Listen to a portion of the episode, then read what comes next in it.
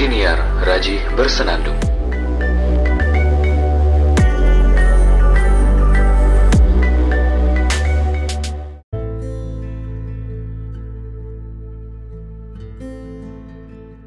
Selamat datang kembali di podcast Raji Bersenandung. Podcast kali ini saya tidak sendirian. Episode sebelumnya saya ngajak teman saya namanya Jalil. Dia kebetulan waktu itu lagi di situ Bondo dan mau lebaran. Cuma uploadnya setelah lebaran, nggak apa-apa. Kan pembahasannya tentang lebaran sama aja. Nah kali ini saya ngajak teman saya karena saya pengen banget ngobrolin sesuatu yang nggak bisa diobrolin sendirian. Kalau saya omongin sendiri di sini itu nanti jatuhnya krik-krik. Makanya harus ada temen untuk ngobrol. Saya mengundang Raka Gunaika. Uh, halo teman-teman Raji Bersenandung. Oke. Uh, aku Raka. Saat ini domisilinya di Medan.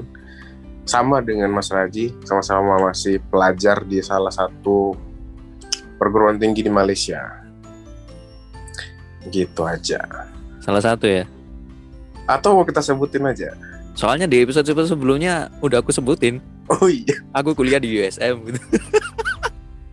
oh iya, aku juga kuliah di USM, satu kampus bareng Mas Raji. Saat ini sedang mengambil studi master yang sebentar lagi akan insya Allah selesai dalam beberapa bulan lagi. Mantap. Sebentar lagi ya. Aku ini yang masih agak lama ini, wah. Semangat. Iya, semangat buat kita ya. Oke. Oke, hmm, hari ini aku lagi resah ini. Resah Kenapa? mataku, mataku gatal lihat orang-orang itu kok kayak sepertinya hidup mereka itu tidak berarti tanpa memiliki pasangan gitu. Padahal bukan pasangan yang yang suami istri gitu, ya pacaran aja. Bagi mereka tuh pacaran tuh seperti sudah menjadi makanan sehari-hari. Padahal padahal makin ke sini ya menurutku pacaran itu akan mengganggu aktivitas kita.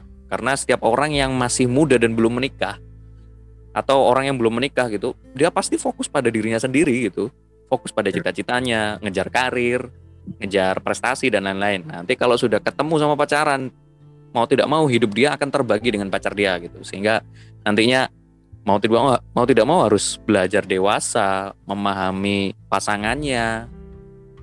Ya seperti layaknya kehidupan suami istri, meskipun ada beberapa hal yang tidak bisa dilakukan seperti halnya suami istri gitu kan ya. Tanda iya. kutip kita semua tahu. Iya, iya. Atau mungkin sudah. Atau mungkin sudah nggak tahu ya. Iya. Ya cuma masalahnya adalah eh, sering kali ketika sudah bersama itu mereka masih belum bisa mengatur ego.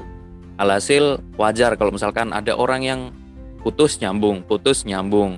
Itu hal biasa banget gitu loh buat dia itu. Hmm. Padahal cinta itu bukan untuk main-main. Waduh, Yes. yes. saya sepet. Mak- maksudnya mataku itu, wih, sebel gitu loh. Apalagi ngelihat anak-anak muda itu mereka ke mana-mana sama pacarnya, kayak kayak seakan-akan mereka itu akan menikah besok gitu loh. Padahal mereka, aku pengen ngasih tahu di depan muka mereka, bro, kuliahmu selesaiin dulu. Kamu itu Yes, yes. gitu gitu itu makanya itu aku pengen curhat seperti itu ke Raka eh keresahanku Hmm. gimana pendapat Raka soal itu Iya, Aku- kalau kalau dari aku sih pertama mau ngucapin berbahagialah kita jiwa-jiwa yang jomblo. wow Tapi bukan berarti kita tidak laku gitu ya. Hmm, Nah, jadi untuk saat ini kalau kita melihat orang-orang yang sedang pacaran itu sih sebenarnya pilihan sama kayak kita. Kita memilih untuk sendiri, kita memilih dahulu untuk uh, mencintai diri sendiri atau mengintrospeksi diri sendiri. Uh, barulah kita bisa memulai pada tahap yang berikutnya yaitu tahap pacaran misalnya.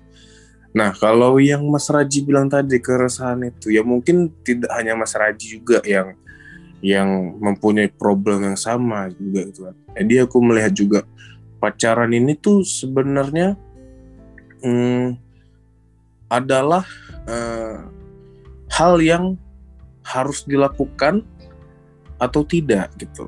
Eh, di mana mm, terdapat eh, adik-adik kita atau teman-teman kita yang di luar sana uh, udah memutuskan untuk memulai suatu hubungan.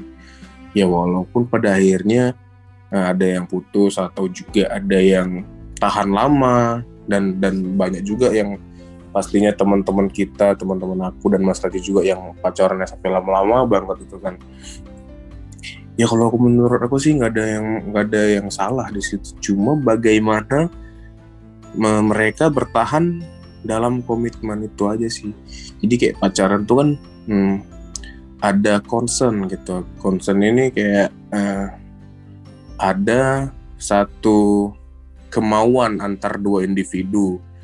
Eh, jadi eh, kalau concern ini berjalan dengan baik antara laki-laki dan perempuan, ya mudah-mudahan hubungannya akan terus baik. Concern ini adalah hal yang ya kalau dari pengalaman pribadi lah sendiri kan concern ini juga hal yang menjadi panduan misalnya Eh, tem- misalnya eh, pacar kita lagi eh, senangnya apa gitu sen- eh, sedang perlunya apa gitu kita juga sebaliknya kita sedang perlu semangat apa yang kita perlu dari dia gitu gitu sih kalau melihat orang-orang yang pacaran pada saat ini Aku sepakat sih. Ini tuh soal kesepakatan gitu antara laki-laki dan perempuan. Mereka ketika sudah setuju pacaran kan berarti sudah sama-sama sepakat ya. Eh, mau nggak jadi pacarku? Iya mau nggak gitu. Mereka pasti akan melakukan eh, aktivitas-aktivitas yang mungkin banyak bersamanya gitu atau eh, aktivitas yang yang apa ya maksudnya itu yang isinya itu penuh oh, yang mendukung perasaan mereka berdua gitu. Itu aktivitas pacaran kan seperti itu. Sehingga wajar kalau misalkan ke mana-mana berdua nonton berdua ke sini harus berdua ke sana harus berdua makan berdua makan disuapin dan lain-lain nah itu yang jadi masalahnya itu di kesepakatan itu menurutku. Ya dulu aku memang pacaran gitu dan lumayan lama ya. Ya nggak tahu lama apa enggak ya tiga tahun tiga tahun sekitar tiga tahun lah. Tapi itu woi lumayan itu. Cuma setelah itu aku mengambil sebuah pelajaran gitu. Eh maksudnya bukan berarti dia yang salah atau aku yang salah. Kami berdua sama-sama melakukan kesalahan waktu itu yaitu memutuskan untuk pacaran. Itu sebuah keputusan yang salah. Karena eh, pacaran itu tidak ada yang bisa mengawasi kita. Eh, kalau misalkan salah satunya dirugikan ya siapa yang mau menolong yang dirugikan itu gitu.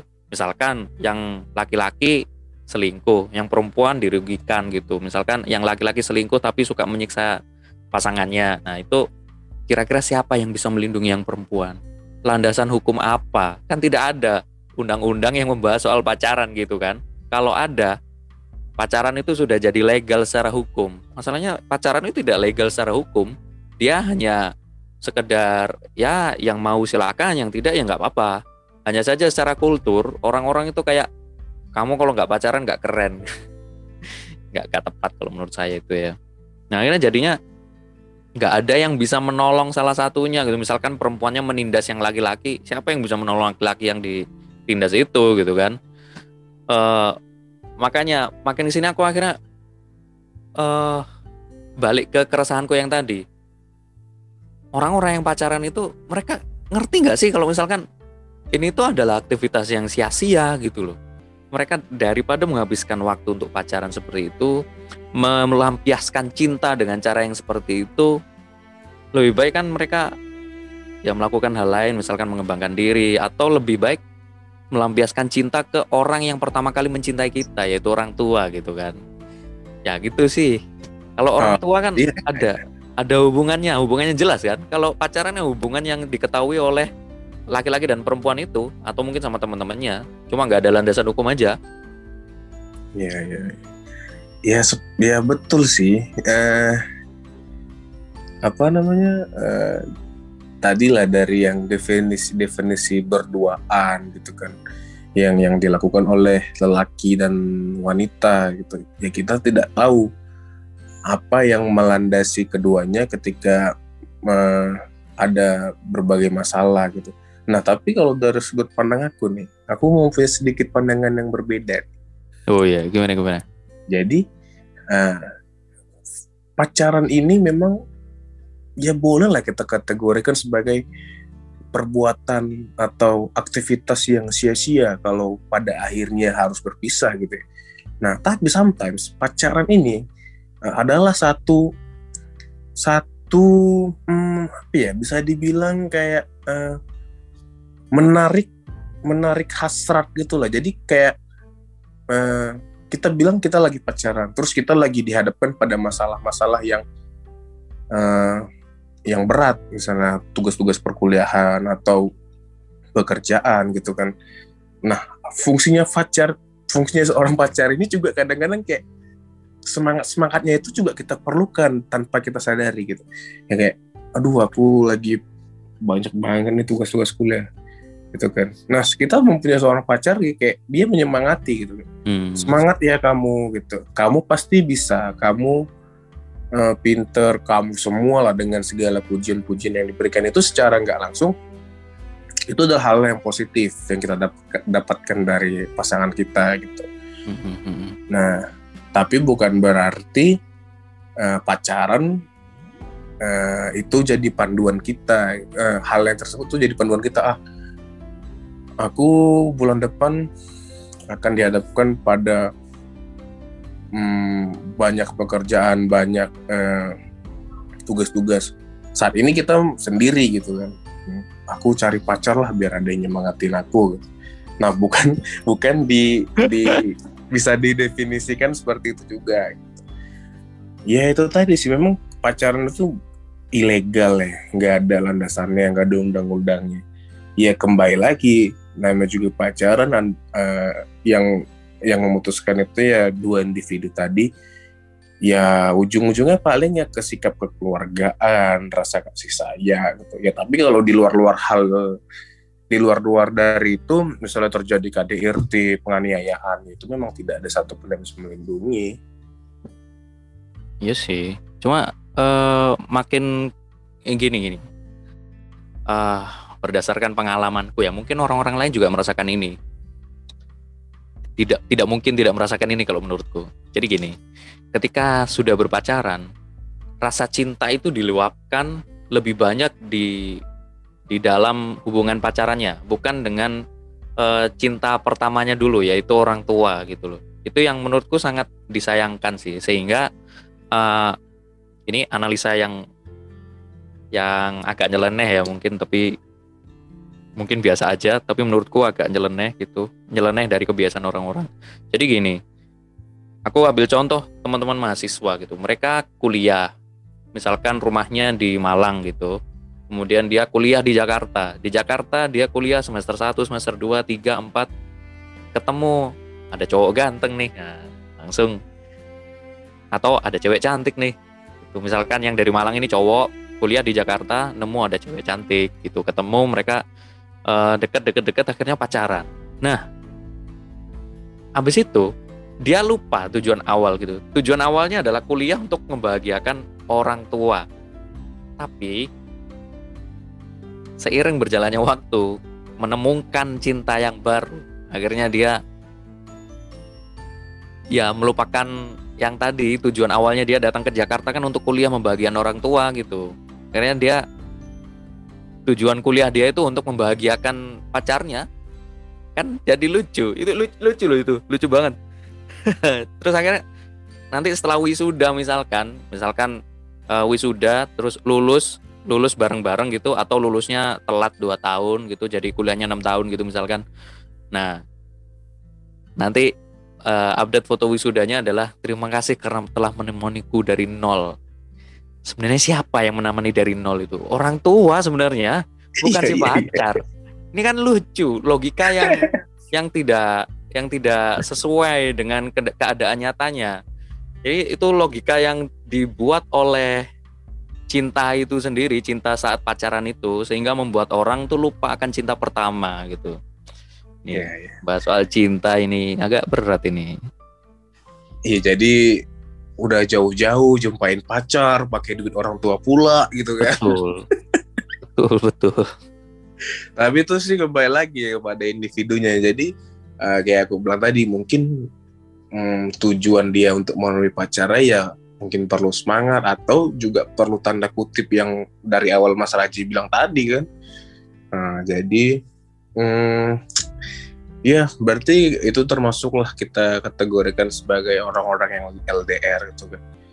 Eh, jadi ya eh, wajar sih. Jadi kayak eh, dia akan lupa tujuan utama dia tuh merantau apa bukan untuk pendidikan melainkan untuk masalah cinta-cintaan itu kan.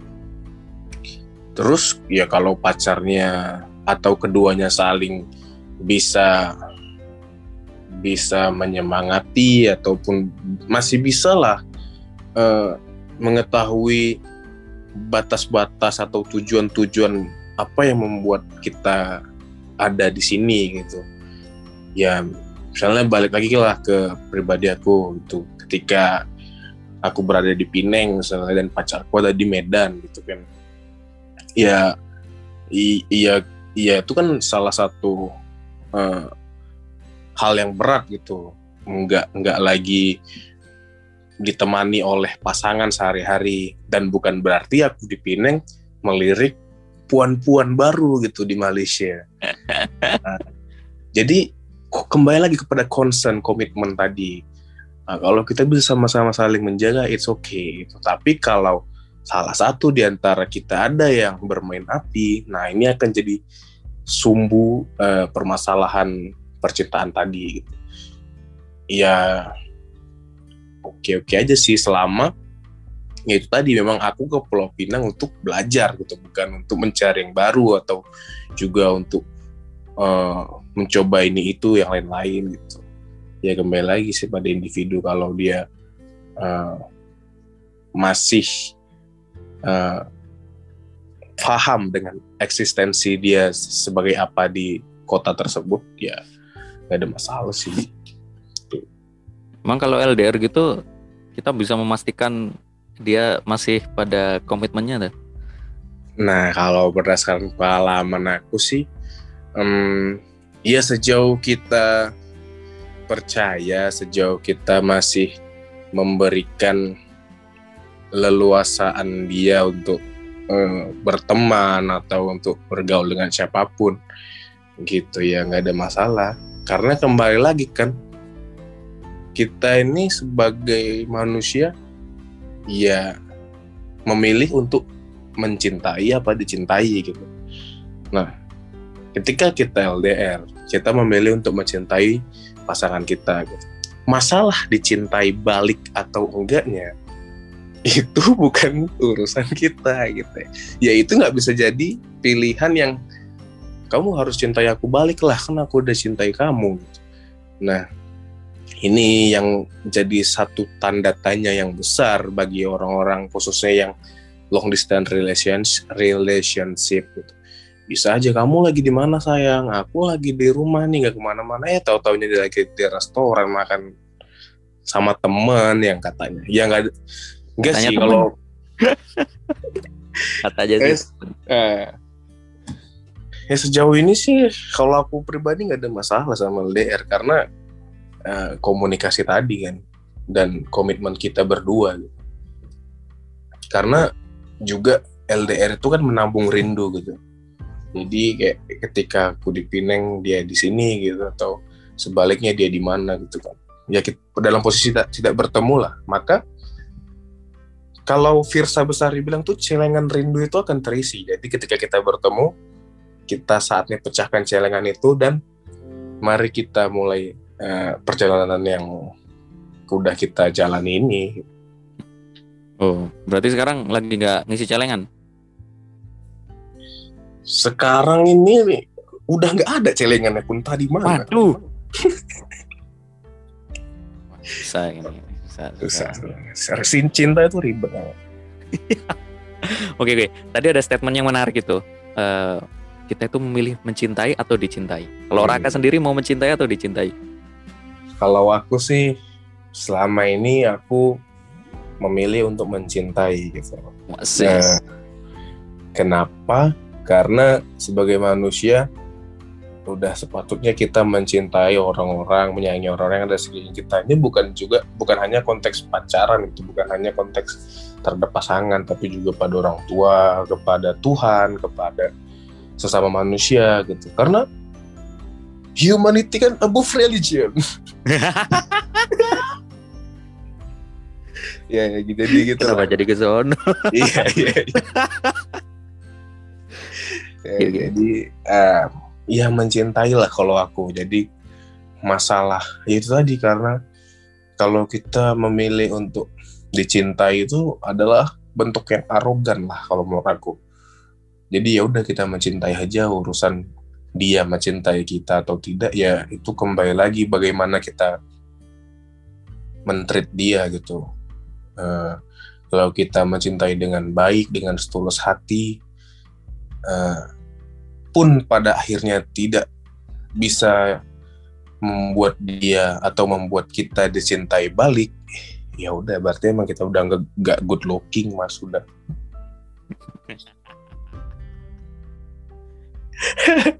Apa ini? Good looking ya. kalau mas Raja sendiri ya mana mau mencintai apa dicintai Mencintai, mencintai. dicintai Mencintai, mau mencintai kan iyalah mencintai. kenapa Kuncinya jangan dihilangin ya. gimana gimana? kenapa mas Raji pilih mencintai ikut ikutan ya Enggak, enggak, enggak ikut ini bener nih nih. Soalnya oh gini, iya iya iya, iya. eh, Gimana, dulu aku itu menganggapnya kalau eh, proses percintaan antara satu orang dengan orang lain itu harus ada saling kesinambungan. Itu aku dulu mikirnya gitu. Awal-awal pacaran itu aku juga gitu. Eh, sebelum pacaran tuh aku nggak pernah kepikiran yang seperti ini, nggak pernah. Aku taunya kasih ibu sepanjang masa, gitu.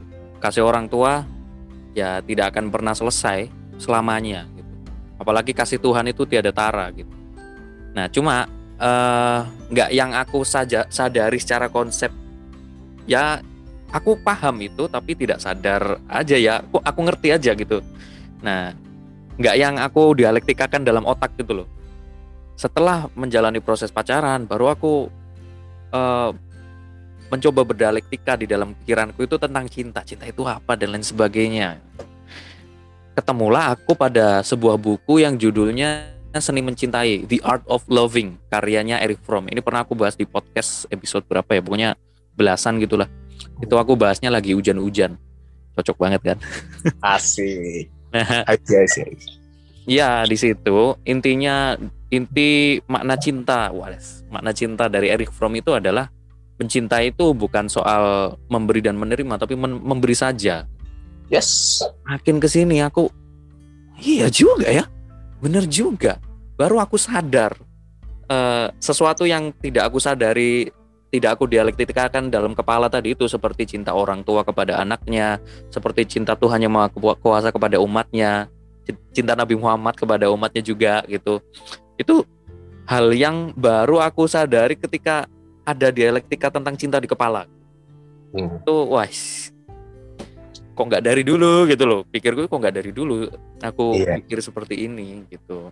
Dan eh, karena aku saking excitednya aku ajak diskusi teman-temanku soal cinta. Menurutmu cinta itu apa? Eh, cinta eh, intinya mereka ngomongnya cinta itu ya memberi dan menerima. Loh aku nggak sepakat. Cinta itu memberi aja. Nggak bisa dong J. Memberi dan menerima. Kalau nggak kalau memberi tok hanya menerima kitanya jadi Hmm. tersiksa dong gitu katanya Iya iya. Ada sih yang beranggapan kayak gitu. Eh, ketika lo ketika lo mm, memberikan cinta tapi lo nggak menerima balik ya ya nggak bisa lagi bener gitu. Tapi kalau yang kayak aku bilang tadi kan ketika kita memberi cinta dan kita mengharapkan balik apa yang telah kita beri dan itu adalah hal yang paling arogan. Itu egois menurutku egois egois betul sepakat. Hmm, egois. Jadi eh, ya udah masalah enggak kita terima balik ya kita tinggal usaha aja gimana biar kita mendapatkan cinta yang kita mau tadi. Nah juga cinta itu selain hanya memberi juga cinta itu adalah cara kalau menurut aku bagaimana kita mencintai dengan baik gitu sebagai seorang pecinta yang baik itu bagaimana?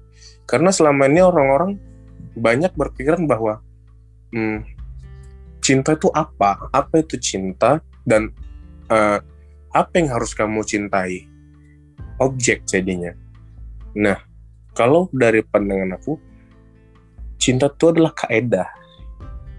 Ya cara metode lah. Metode bagaimana uh, cara mencintai gitu karena kalau kita hanya sekedar suka eh, kita hanya sekedar cinta ya itu tadi kita nggak tahu tuh arahnya ke mana ke positif apa yang ke negatif tapi kalau kita tahu cara kita mencintai dengan baik cara kita uh, menyayangi seseorang dengan baik, ya insya Allah hal-hal baik juga datang kepada kita. Itu sih. Cinta ini, waduh. Iya Kalau... juga cinta. Hmm. Gimana gimana? Jadi kan ya kayak tadi ada juga menyinggung-nyinggung orang tua gitu. Kadang juga cinta ini uh, love is blind gitu ya. Cinta tuh buta, nggak tahu kita mana yang baik mana yang benar gitu kan. Kadang juga kita udah melupakan kasih sayang ibu, melupakan kasih sayang orang tua demi pacar yang kita cintai gitu. Nah itu kan udah hal-hal yang salah, yang tidak masuk akal bahkan gitu. Karena ya yang pertama adalah orang tua yang harus kamu bahagiakan, apalagi anak laki-laki gitu kan. Hmm. Ibumu, ibumu, ibumu, ayahmu. Tidak ada kata ibumu, ibumu, ibumu pacarmu gitu kan. ya gitu sih mas. Oh mantap mantap. Iya sih harusnya memang gitu. Jadi ngomong soal ego tadi tuh seringnya sering nggak sih ego itu muncul gitu uh, dalam pasangan orang-orang yang berpacaran. Meskipun nggak harus pacaran ya, orang yang sudah suami istri, ego itu pasti muncul lah karena dua yeah. orang yang berbeda wajar gitu. Tapi uh, kalau sudah menikah kan menurutku sih sudah matang gitu. Kalau yang pacaran ini yang kadang uh, maksudku gini, ego ego yang yang berkaitan dengan minta dicintai itu tadi. Yeah. Itu yang uh, sepertinya itu nampaknya kok agak ngeselin gitu. Aku nggak ngerti ini betul apa enggak hmm. uh, statementku ya. Tapi nampaknya ngeselin sehingga uh, ketika kita minta sesuatu terus pacar kita belum bisa untuk memenuhinya, kita langsung ngambek gitu. Ah, ya, ya ya ini terjadi juga sih ya mungkin bukan untuk Mas Raja aja untuk aku dan orang-orang lain juga ya kita bisa definisikan bahwa dari awal kita bilang bahwa cinta itu memberi gitu. nah tetapi kita gak menerima cinta yang kita beri kita merasa atau kita jadinya ngambek gitu kita marah ke pacar gitu. nah itu tadi sih jadi hmm, eh, belum bisa juga kita definisikan orang-orang yang nikah itu udah mateng gitu atau yang baru-baru nikah gitu. Karena kita juga banyak case kan kayak pasangan muda udah bercerai terus pasangan muda udah berpisah terus jadi bagaimana kematangan itu kembali lagi bagaimana kamu memahami cinta. Uh, jadi selama kita dan pacar kita ini dalam konteks pacaran ya hmm. sama-sama memahami gitu. Jadi antar dua individu ini saling sama-sama belajar uh, dan memahami cinta. Jadi prosesnya itu bareng-bareng. Jadi ketika naik uh, kasta untuk yang lebih tinggi, keduanya ini udah siap tuh bareng-bareng. Jadi ketika kita laki-laki doang yang memahami arti cinta, tetapi perempuan yang enggak, ya ya akan terjadi ketidaksinambungan antar keduanya. Berat ini. iya karena itu tadi kan ego ego.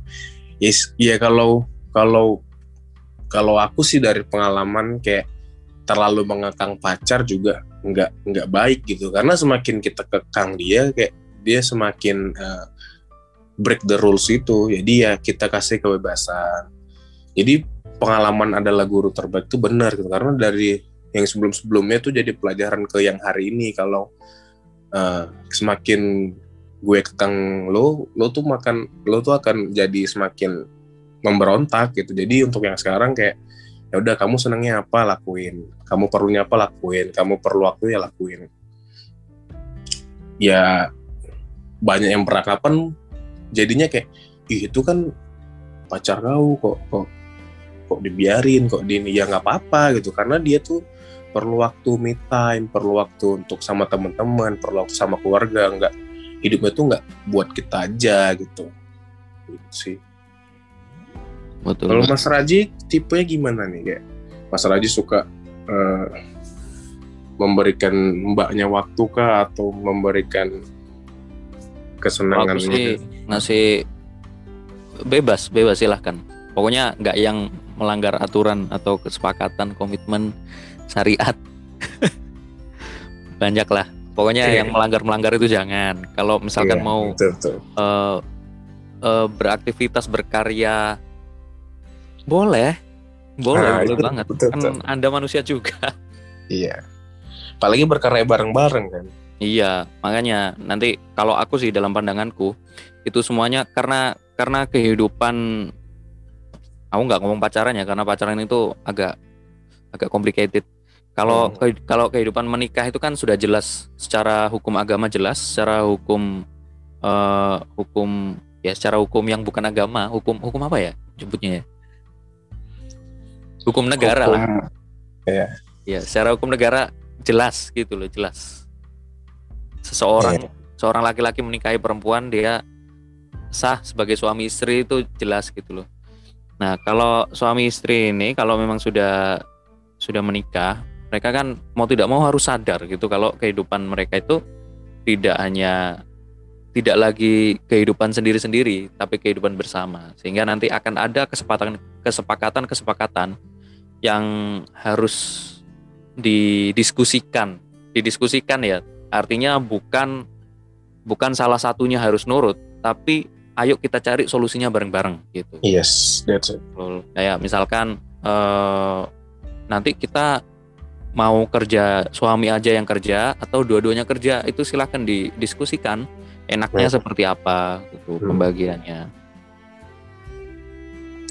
Ya itu tadi sih komunikasi terus kayak eh, eh, apa yang sedang diperlukan pasangan gitu karena ketika kita menghadapi masalah itu jalan keluarnya itu ya satu-satunya cuma memperbaiki introspeksi eh, satu sama lain gitu bukan yang eh, mencari alternatif orang ketiga gitu dan itu akan menambah hal semakin buruk kan Mm, mm, mm, mm. Hmm, itu sih.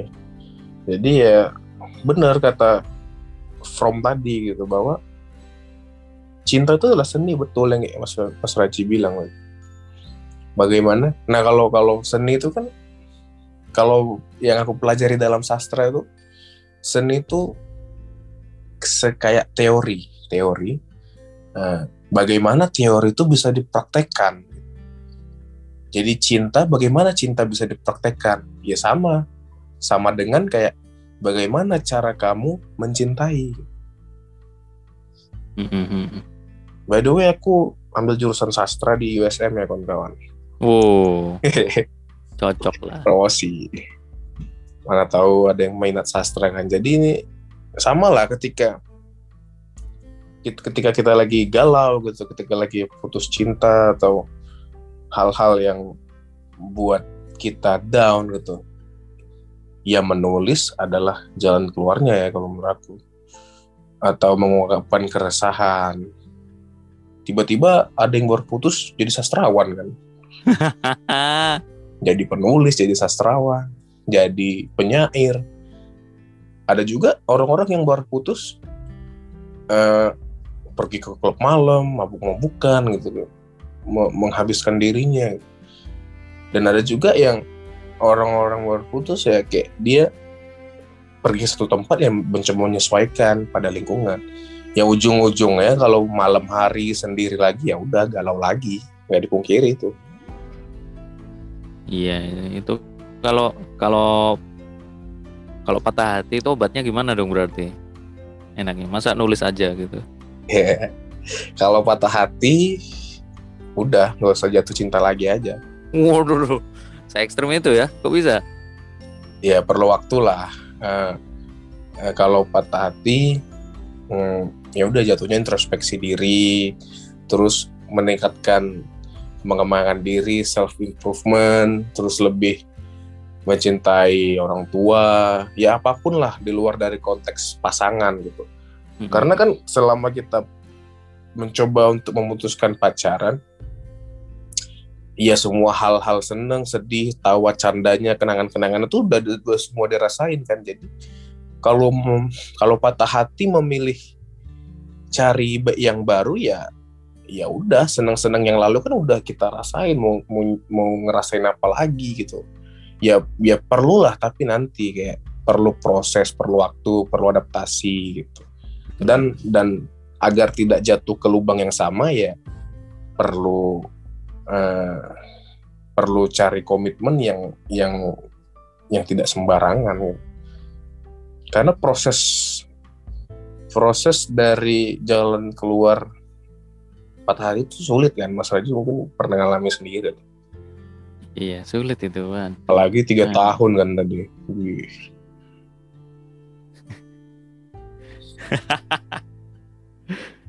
Waduh, berat emang. Berat, berat.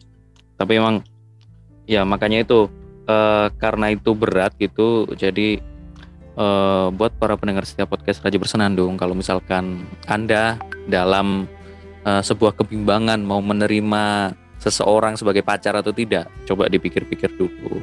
Iya. Maksudnya eh, eh, melampiaskan cinta kepada lawan jenis itu tidak harus sekarang, tidak harus sekarang. Iya. Mungkin ada saatnya yang lebih tepat gitu yang kita sebenarnya secara fisik secara mental itu sudah siap gitu. Betul.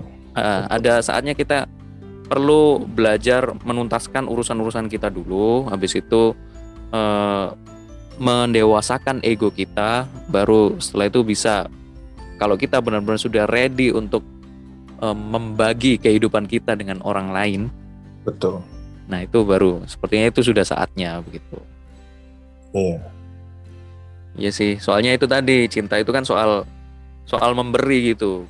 Aku aku sama Raka menurutku ya eh, dari pembicaraan kita aku sama Raka ini sepakat kalau cinta itu soal memberi gitu, bukan Yes.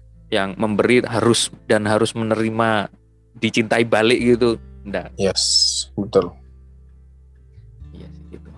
Cinta itu adalah memberi teman-teman. Jadi ketika kalian udah berperilaku, udah bertindak seperti kalian mencintai diri kalian sendiri, ya urusan mendapatkan timbal balik dari apa yang kalian beri itu ya nggak usah dipikirin gitu sama kalau kamu lakuin hal baik insya Allah doa-doa baik juga kembali ke kamu kan Betul betul. Aku waktu baca itu tadi baca bukunya Eric Fromm itu aku langsung mengambil kesimpulan terdekat eh, contoh terdekat. Contoh terdekat adalah Hmm. Tuhan yang Maha Kuasa. Ya, Kemudian baru orang tua gitu. Cinta Tuhan kepada hambanya itu bukti bahwasanya kita itu masih bisa melakukan aktivitas padahal kita itu berbuat dosa setiap hari gitu ya, ngatain orang kah atau apa kah itu kan dosa-dosa gitu. Tapi kita masih diberi kesempatan gitu. Itu bentuk cinta sih. Kita masih dikasih kesempatan atau nafas, nafas gitu. Nafas. Iya. Waduh, kita bisa bernafas itu masih ya ya boy, bentuk kemurahan hati, kemurahan dari Tuhan yang Maha Kuasa gitu. Orang Iya. tua juga. Kita sedurhaka durhakanya kita ya.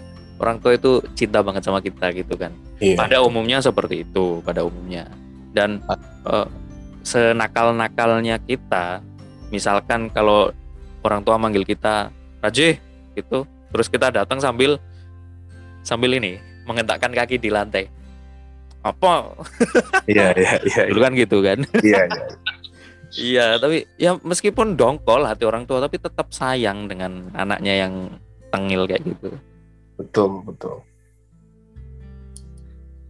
cak emang bagus nih ya buku The Art of Loving ini bagus ya yang udah Mas Raji baca nih Bagus, bagus, bagus, bagus. Mungkin bisa jadi rekomendasi lah untuk teman-teman semuanya yang mendengarkan podcast ini. Mungkin bisa jadi rekomendasi seperti ya seperti halnya buku-buku yang lain yang sangat memotivasi. Begitu pula dengan buku ini. Kali aja nanti bisa mendapatkan pandangan lain tentang cinta. Iya. Karena dari buku yang aku baca ini juga dari Eric Fromm ini uh, me merubah lah banyak merubah insight aku terhadap cinta gitu. Uh, ya ya pada awalnya sih aku berharap kayak aku sayang sama kamu ya aku harap sih kamu juga sayang sama aku dan melalui buku ini wah ternyata aku salah gitu jadi uh, Eric Fromm adalah kalau nggak salah dia adalah psikoanalisis ya psikologi gitu psikolog psikolog hmm. dari dari Jerman ya hmm. udah aku baca sekilas gitu sih jadi eh, obat patah hati dan eh, untuk mengintrospeksi diri buku ini juga bagus obat patah hati ya obat patah hati ini bukunya karena dari sini kita tahu cinta yang semestinya tuh kayak mana gitu. Bagaimana memperlakukan cinta, bagaimana uh, berkomitmen kepada cinta gitu. Ya gitulah, banyak-banyak yang disampaikan. Bisa, bisa. Ya, aku sih agak lega ya diskusi uh, mengungkapkan keresahanku tadi. Kita akhirnya bahas ya, ya. soal cinta, banyak ngarah ke Eric Fromm juga. Kebetulan kita juga sama-sama sudah baca ya. Iya, yeah, Dan juga bahas soal cinta itu harusnya seperti apa. Cinta yang sering kita lupakan juga kan. Iya, yeah, cinta kepada Tuhan kan sama hmm. cinta kepada orang tua gitu. Yes. Sering kita lupakan itu. Karena uh, apa namanya? Karena banyak kayak orang-orang tuh selalu berbicara tentang mantan, tentang masa lalu, bagaimana cara move on gitu. Ya kita bosen lah dengan tema-tema kayak gitu ya. Mending kita bahas the, the real of love tuh gimana, the, the art of loving tuh gimana. Gitu. Betul. Ya lebih menarik sih. Ya biar kita lebih paham cinta itu yang kayak gimana. Nice. Cuma soal nafsu kan. Iya, iya. Iya. Tanda kutip ya. aduh, aduh, susah ya kayak gini nih. Makanya agak iya. complicated itu. Jadi kita akhirnya kabur, pandangan kita tentang cinta itu kabur karena ya ter tercampur dengan hal-hal yang itulah. Yeah, Oke deh. Yeah. Thank you baik, banget baik, baik. Raka sudah nemenin aku ngobrol di episode kali ini tentang yeah, sama-sama. tentang cinta ya. Ini uh, episodenya ngomongin cinta. Ditunggu episode berikutnya. Betul. Uh, uh, semoga kita nanti bisa ngobrol lagi ya di episode-episode berikutnya di oh, podcast Raja Bersenandung. Uh, baik teman-teman, uh, sampai jumpa lagi di episode berikutnya. Uh, jangan lupa di share ya. Terima kasih. Kali, aku baru kali ini ngomong jangan lupa di share. Sebelum-sebelumnya mah nggak pernah ngomong share gitu, nggak pernah. Nanti aku okay. share ke Instagram Stories, ke Twitter, semua aku share Raji Bersenandung. Oke, siap, siap, siap. Ya, jangan lupa podcast Raji Bersenandung bisa didengarkan di uh, Anchor, di Spotify, Apple Podcast, Google Podcast, TuneIn, Kurio Podcast, dan juga aplikasi-aplikasi lainnya. Teman-teman juga bisa menemukan podcast Raja Bersenandung di Google, tinggal dicari saja podcast Raja Bersenandung. Anda akan menemukan platform-platform untuk mendengarkan podcast Raja Bersenandung. Baiklah, itu saja. Terima kasih. Sampai jumpa di episode berikutnya. Bye. Bye-bye.